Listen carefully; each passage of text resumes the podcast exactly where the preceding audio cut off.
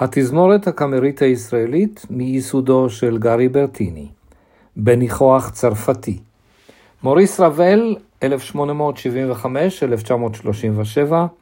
פאבן לנערה שהלכה לעולמה, קלוד דובוסי, 1862-1918, מחולות קודש וחול לנבל ולכלי קשת, אנדרי ז'וליבה, 1905 עד 1974, קונצ'רטו לנבל ולתזמורת קאמרית, ז'אן פיליפ רמו, 1683 עד 1764, סוויטה תזמורתית מן האופרה נאיס, בעיבודו של ניקולס מקגיגן. אילן וולקוב מנצח, סיון מגן, נבל.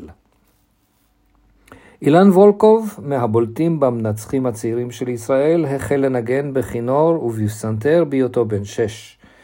את הכשרתו הראשונית בניצוח קיבל ממאסטרו מנדי רודן באקדמיה למוסיקה ולמחול בירושלים, ואז המשיך בלימודיו באקדמיה המלכותית למוסיקה בלונדון.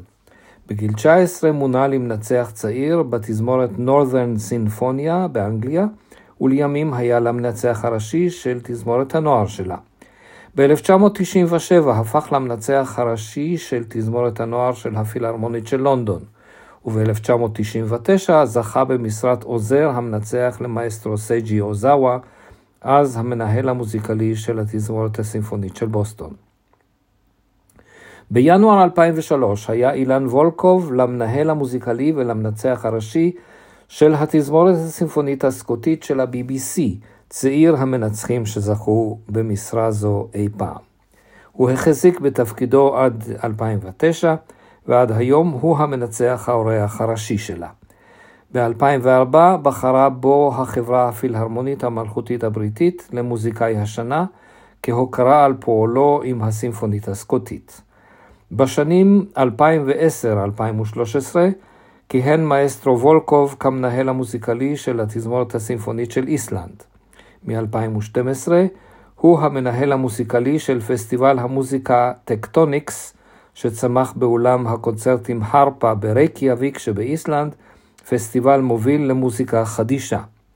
לימים התפרס הפסטיבל גם לגלסגו, בהובלת התזמורת הסקוטית של ה-BBC, לאדלייד שבאוסטרליה, לאוסלו שבנורבגיה, לאתונה שביוון ולניו יורק.